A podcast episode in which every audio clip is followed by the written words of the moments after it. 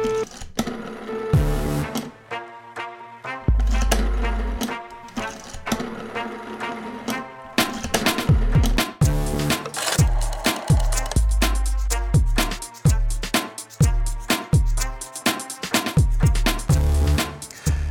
dan, dobrodošli još jednom u emisiju Pitajte Đuru podcast, kako ko to zove. Na početku samo ću napomenuti broj telefona na koji se možete javiti, postaviti vaše pitanje, izneti vaš problem. On se ne tiče, to napominjem, e, samo Beograda, već e, čitave Srbije. Dakle, gde god imate neku nedoumicu, neki problem, neko pitanje, slobodno pošaljite na 069-893-0023 ili pišite na Facebook, Instagram i Twitter mrežu Pitajte Đuru ili šaljite vaš mail e, na adresu pitajteđuru.nova.rs. A tema današnjeg podcasta, u stvari povod za današnju priču je Stari tramvajski most. Zašto baš to? Nekoliko puta u ovoj emisiji smo pominjali Stari tramvajski most u Beogradu i e, da li ga treba rušiti, da li ga treba premeštati, šta sa njim uraditi, da li je on e, više od mosta, da li je on simbol e, grada Beograda. E, upravo o tome danas pričam sa Srđanom Miloševićem, istoričarem i pravnikom i direktorom, to je predsednikom Centra za istorijske studije i dijalog. Dobar dan, dobrodošli. Dobar dan, hvala na pozivu. Ovo jeste povod, da nas dvojica kad smo se dogovarali za, za vaš dolazak ovde, rekli smo ajde od toga ćemo krenuti pa ćemo videti gde će nas sve priča odvesti. Ali e, šta iz tog istorijskog za početak ugla e, predstavlja stari tramvajski most u Beogradu za, e, ne samo za Beograd, već za čitavu Srbiju? Da, on svakako jeste jedno važno mesto sećanja koje u toj i posleratnoj kulturi sećanja i do današnjeg dana možda nije odmah i neposredno zadobio ono mesto koje bi verovatno e, zasluživao, odnosno zasigurno zasluživao. E, sama činjenica da je, a kontekst je uglavnom poznat, e, reč o jednom mostu koji je zaista napravljen od strane okupatora da služi njegovim potrebama, ali koji je onda sa druge strane koristila Narodno oslobodilačka vojska eh, za svoj eh, pohod, odnosno za oslobođenje severnih e, krajeva tadašnje Jugoslavije, znači Vojvodine i tako dalje, je na neki način izmenila ugao posmatranja tog mosta, budući da je on u tom oslobodilačkom kontekstu bio veoma važan. To je jedna stvar. I druga, e, on je spašen zahvaljujući tom činu jednog individualnog, moglo bi se reći, herojstva, e, onoga što obično zovemo malog čoveka, jednog učitelja Miladina Zarića, koji je uh, uspeo da preseče žice koje su već, e, da tako kažemo, ovaj, najavljivale e, rasturanje mosta, odnosno njegovu devastaciju i na taj način omogućuje u stvari da se e,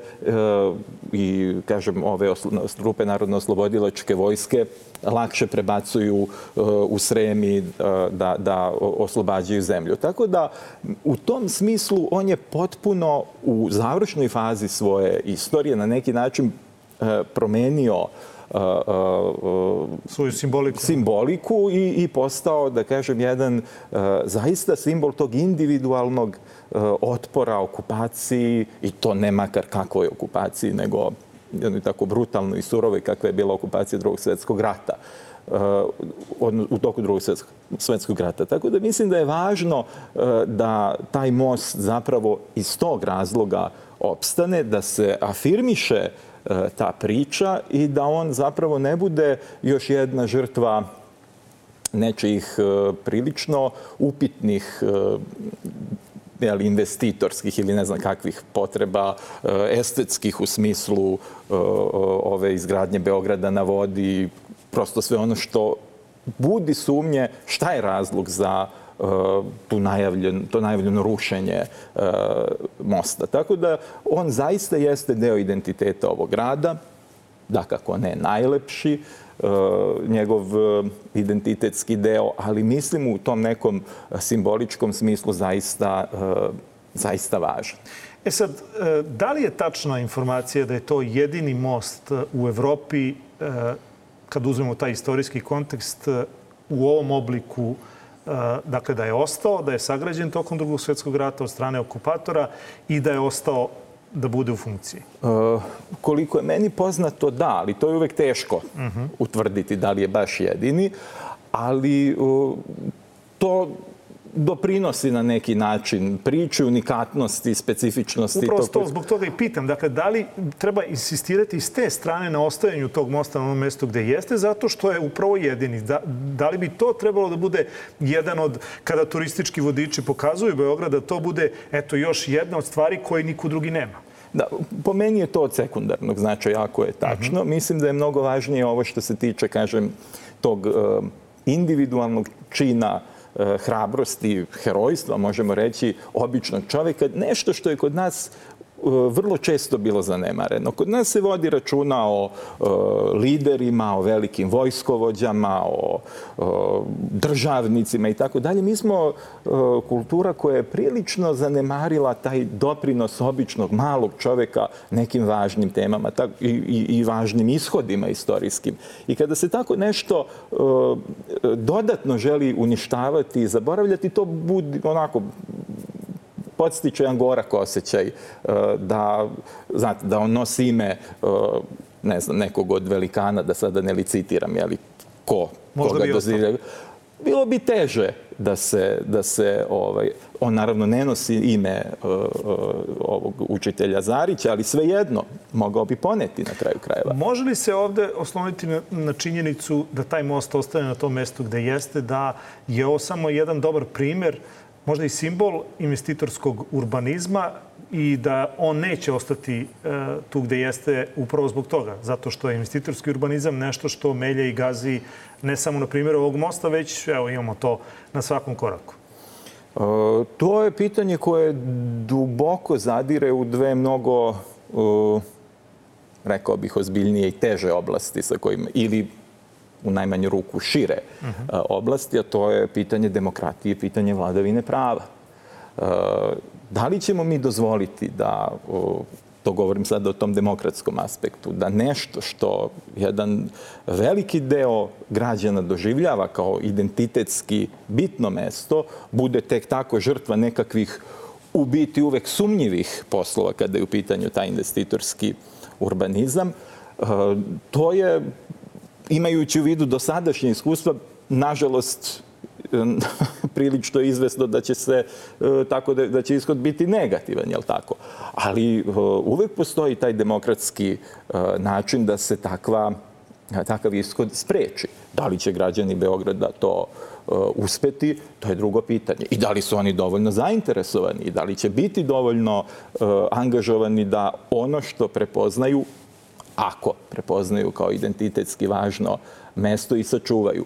A drugo pitanje je naravno to koje se tiče vladavine prava, ako tu ne postoji nikakav angažman e, javnog tužilaštva koje bi sve te poslove koji deluju u, u, u principu uvek sumnjivo ispitali, opet ostajemo kao društvo nemoćni. I prosto nas će stalno mleti ta mašinerija e, moći, sprege eh, kapitala i jedne nebrige za ono što je i identitet društva i što su interesi jedne zajednice, poštovanje prema njenom nasljeđu i prema na kraju krajeva toj samoj zajednici koja trenutno postoji i koja ima neku svoju volju koju bi ipak trebalo ispitati.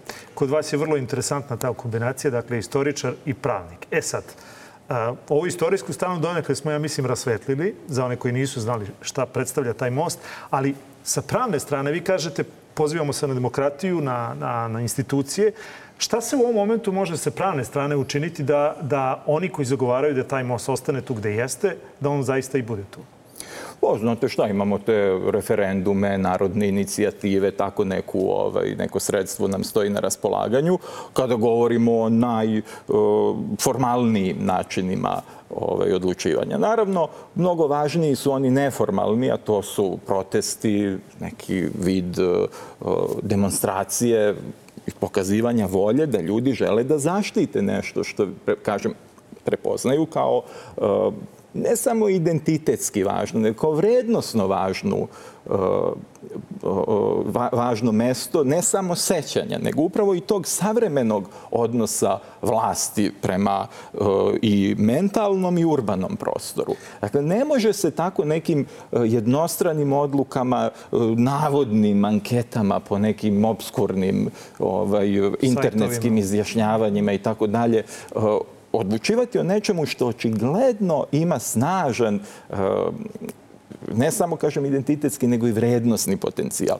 I e, ljudi u odnosu na to treba da se odrede, eh, na kraju krajeva i protestima i pokazivanjem volje i spremnosti da to... E sad, mi imamo jedan drugi problem, što eh, takav oblik pritiska ovdje zapravo ne daje nikakve rezultate. Demokratija i taj vid izražavanja volje je relevantan onda kada sa druge strane imate sagovornika koji je spreman da uvaži tu vrstu.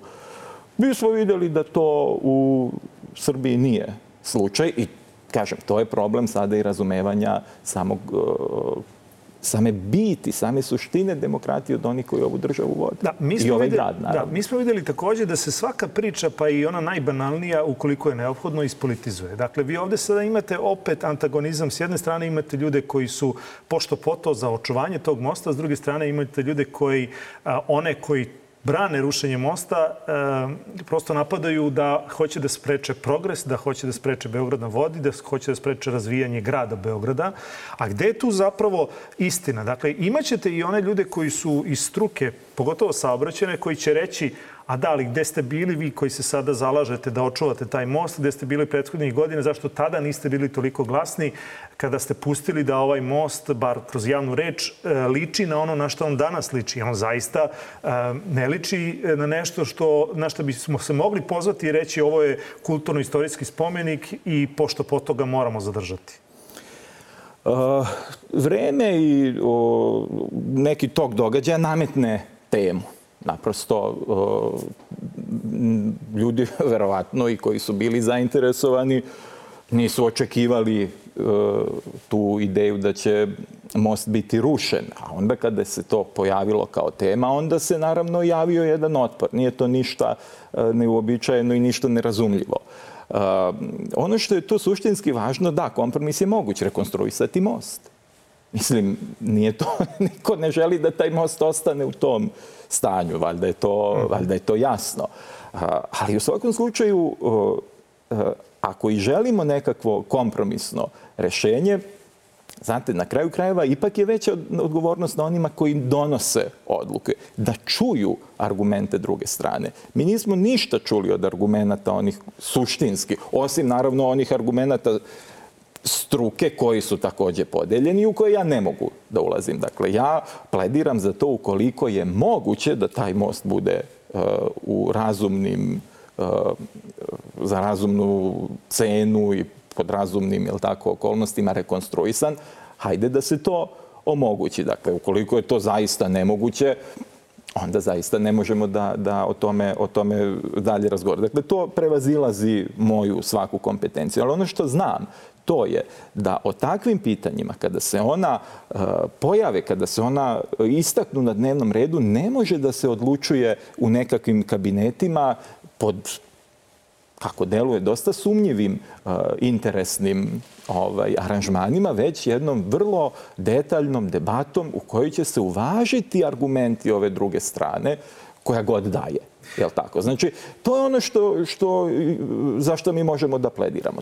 Tako se odlučuje kuda će, e, ne znam da li će, je moguće obezbediti biciklističku stazu, da li će proći e, neka saobraćajnica i tako da neke stvari su naravno sa stanovišta e, ovaj, znanja i onoga što se već tako dosadno naziva strukom, nepomerivi. Onda tu nemamo šta da ovaj, diskutujemo, ali vrlo često stvari nisu takve i potrebno je onda jasno argumentovati čvrstim argumentima da, neko, da je neko rešenje nemoguće. Ali ovde je to problem, što mi ne čujemo takvu vrstu debate.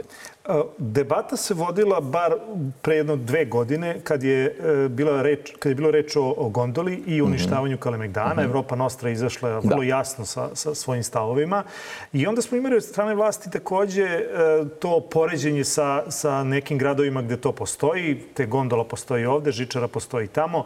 Recimo, čini mi se, mm -hmm. negde sam pročitao da se to upoređuje sa Barcelonom i, i Brdom Tibidao, gde zaista postoji žičara, gde vi možete doći iz centra centar grada, Žičarom, na takvo jedno mesto gde je Vidikovac na čitavom Barcelonom i gde postoji i crkva koja je takođe vekovima stara, ali to nekako deluje da je to uklopljeno u celinu i zaista ne deluje kao nešto što je uništeno dobro, opšte dobro. Mislite li da bi gondola na Kalemegdanu, pošto vidimo da u onom budžetu grada ona postoji kao stavka, mm -hmm da će ipak doći do te realizacije projekta ispod žita na, neki način, jer se zaista u javnosti više o toj gondoli ne priča. Koliko bi to zaista uništilo Kalemegdan?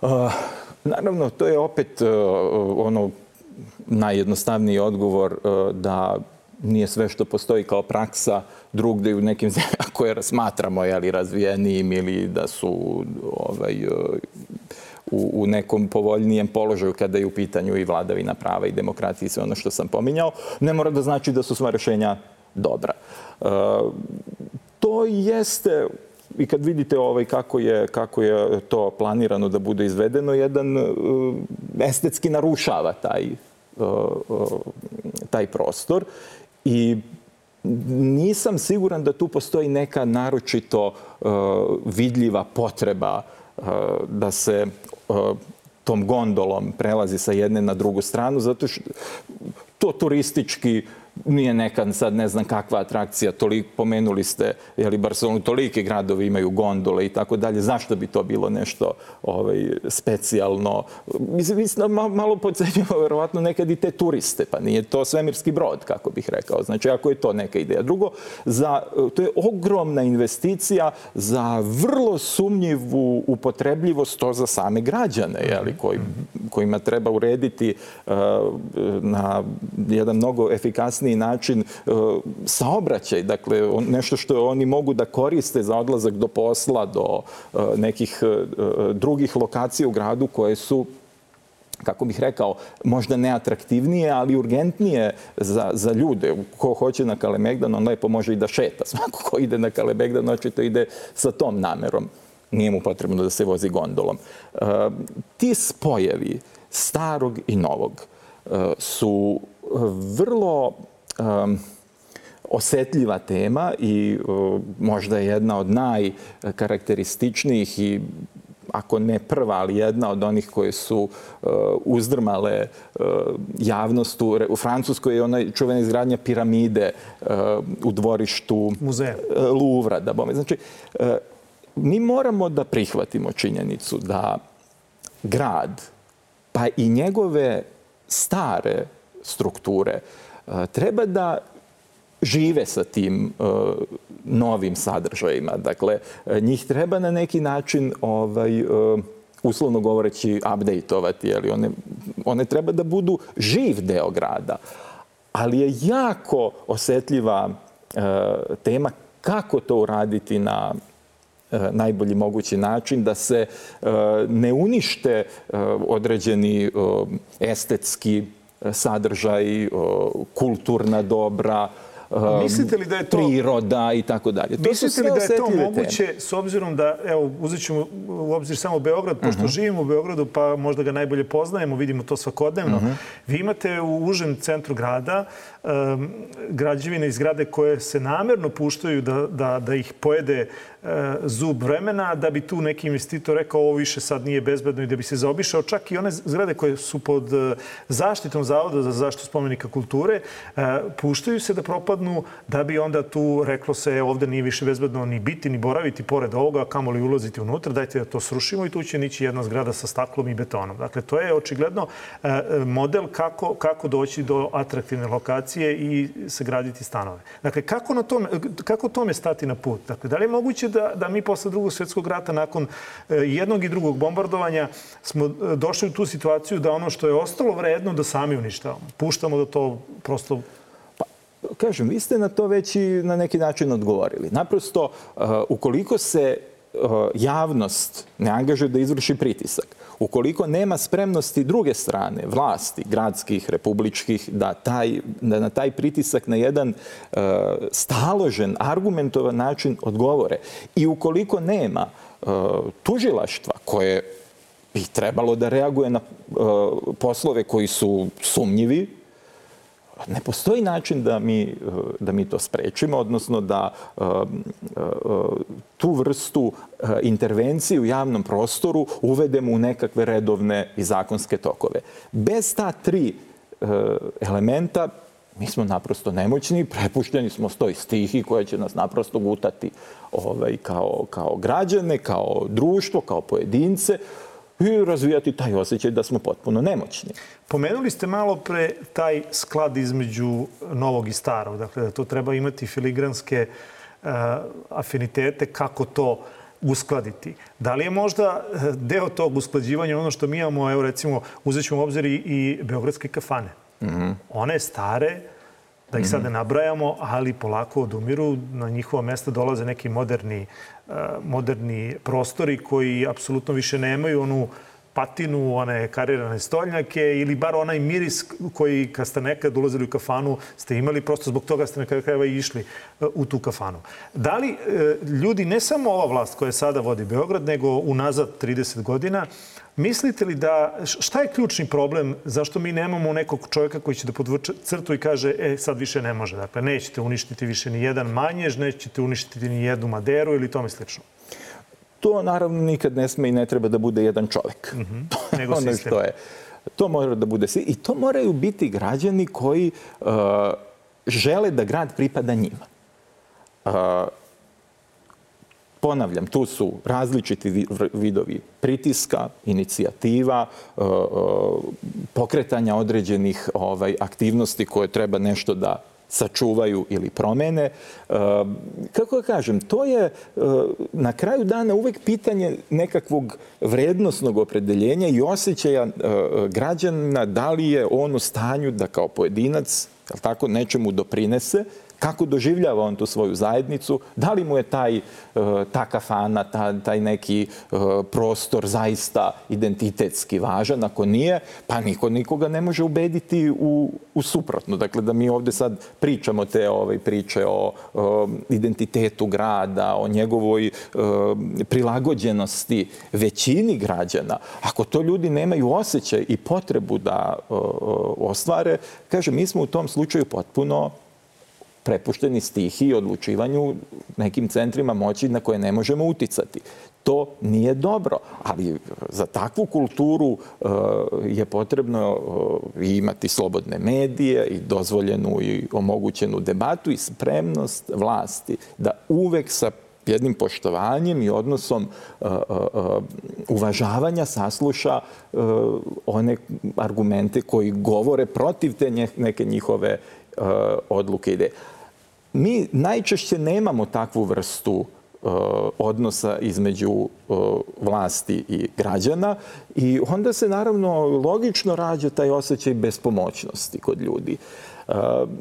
Tačno je. Mhm. Imaju li, građani uopšte svest o tome šta, šta mi posjedujemo kroz to istori, kulturno-istorijsko nasledđe u Srbiji? Jer vidimo šta se dešava sa dvorcima u Vojvodini. E, pre nekoliko e, meseci bio sam pokozna koji put u Aranđelovačkom parku gde postoji Obrenovićev E, Obrenovićevo zdanje, da. znate u kakvom je to stanju. Isto tako postoji opasnost da će se to nakon tog požara zaista urušiti i da će tu na kraju prosto neće ni postojati mogućnost da se to renovira i da se vrati u neko stanje u kojem je bilo e, pre, eto, kad je sagrađeno, pre više od 100 godina. E, nikada celo društvo ne može da bude osvešćeno i, i da ima konkretna znanja ili želju da učestvuje u, u očuvanju toga što se zove kulturna uh, baština. Ali postoje e, organizacije, grupe, čiji je zadatak da alarmiraju javnost onda kada je neka od tih struktura urbanih ili kulturnog nasleđa u najširem smislu ugrožena.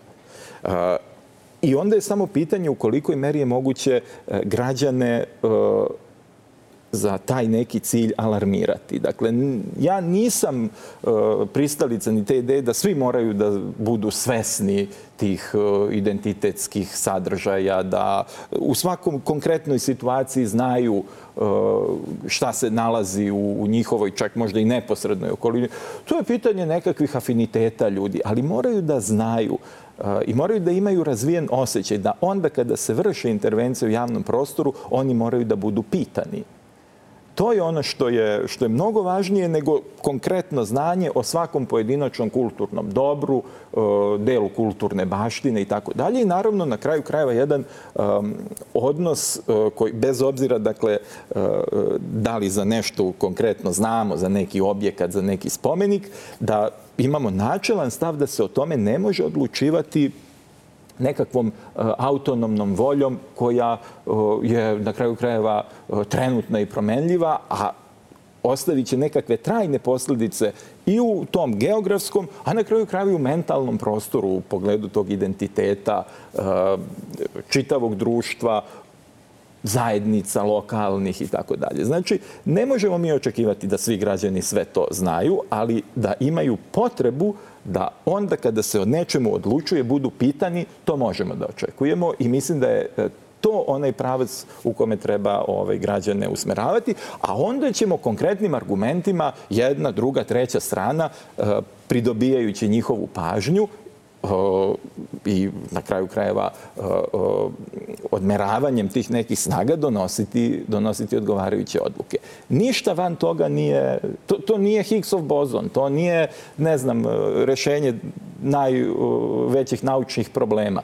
To je način na koji funkcioniše jedno demokratsko društvo. Ako to nećemo da budemo, onda ćemo imati, kao što sam već rekao, odlučivanje koje je potpuno izmešteno od građana. Evo, da li vi u, centru za, gde, mhm. ovaj, e, ste predsednik Centra za istorijske studije i dijalog, imate li sad, recimo, na pameti, evo, na prvu loptu, neki ekletantan primer gde nešto što bi trebalo štititi, mi to ne činimo, to jest e, zavodi koji su nadležni za to i, i ministarstvo koje je nadležno za to ili više ministarstava ne radi, ne radi svoj posao. Da, mi smo relativno mala organizacija i pretežno smo bili o, orijentisani na nešto što bi hajde da ovako to kažem, bio doprinos pripadnika nacionalnih manjina jednom e, širem e, kontekstu napretka Srbije, njenih, e, njenog generalno istorijskog, društvenog i svakog drugog e, e, progresa. Jel? Sad kad ste mi rekli šta mi pada na pamet, možda nije u pitanju kulturno nasledđe u smislu objekata i tih neke spomeničke kulture, ali recimo ono što je mene potpuno iznenadilo, to je jedno, odbijanje jedne naše inicijative da se u Kragujevcu komemoriše na jedan odgovarajući način ovaj, eh, predstavi javnosti grada Kragujevca i šire Srbije jedan jako zanimljiv događaj iz eh, istorije eh, Kragujevca. Naime, u ovoj ustavobraniteljskoj Srbiji, dakle, 40. godina 19. veka, sticajem različitih okolnosti, država je donela odluku da građani jevrejske Uh, veroispovesti, ali budu svi izgnani iz varoši u Beogradu i u, iz Srbije i da budu e, naseljeni u Beogradu, opet na tačno određene lokacije gde su mogli jedino da trguju i tako dalje.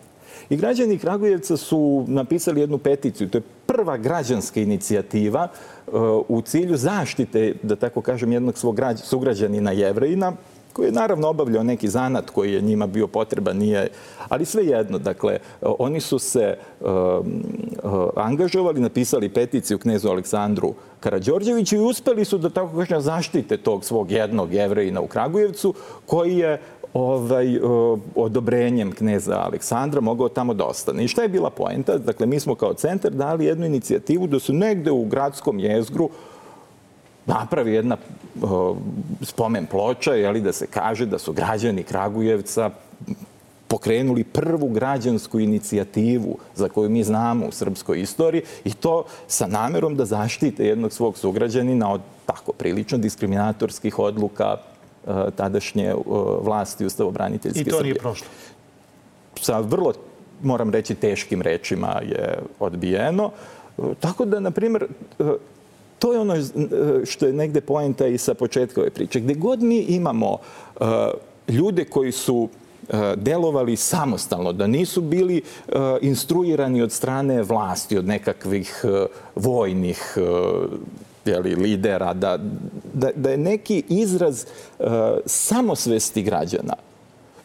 To ovde ne postoji kao nešto o čemu postoji svest da treba negovati. Da treba. Dakle, to je meni više bio pokazatelj dakle, u tom pravcu.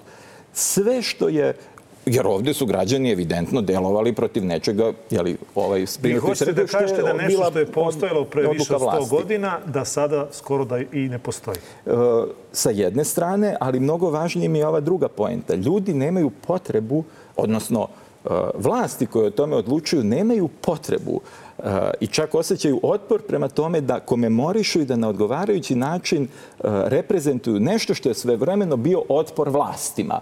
Dakle, građani koji se sami organizuju da bi se usprotivili nečemu što je odluka državne vlasti. A danas bi to, e, to su jeli, te građanske inicije. To je pročetak nekog građanskog društva u, u Srbiji.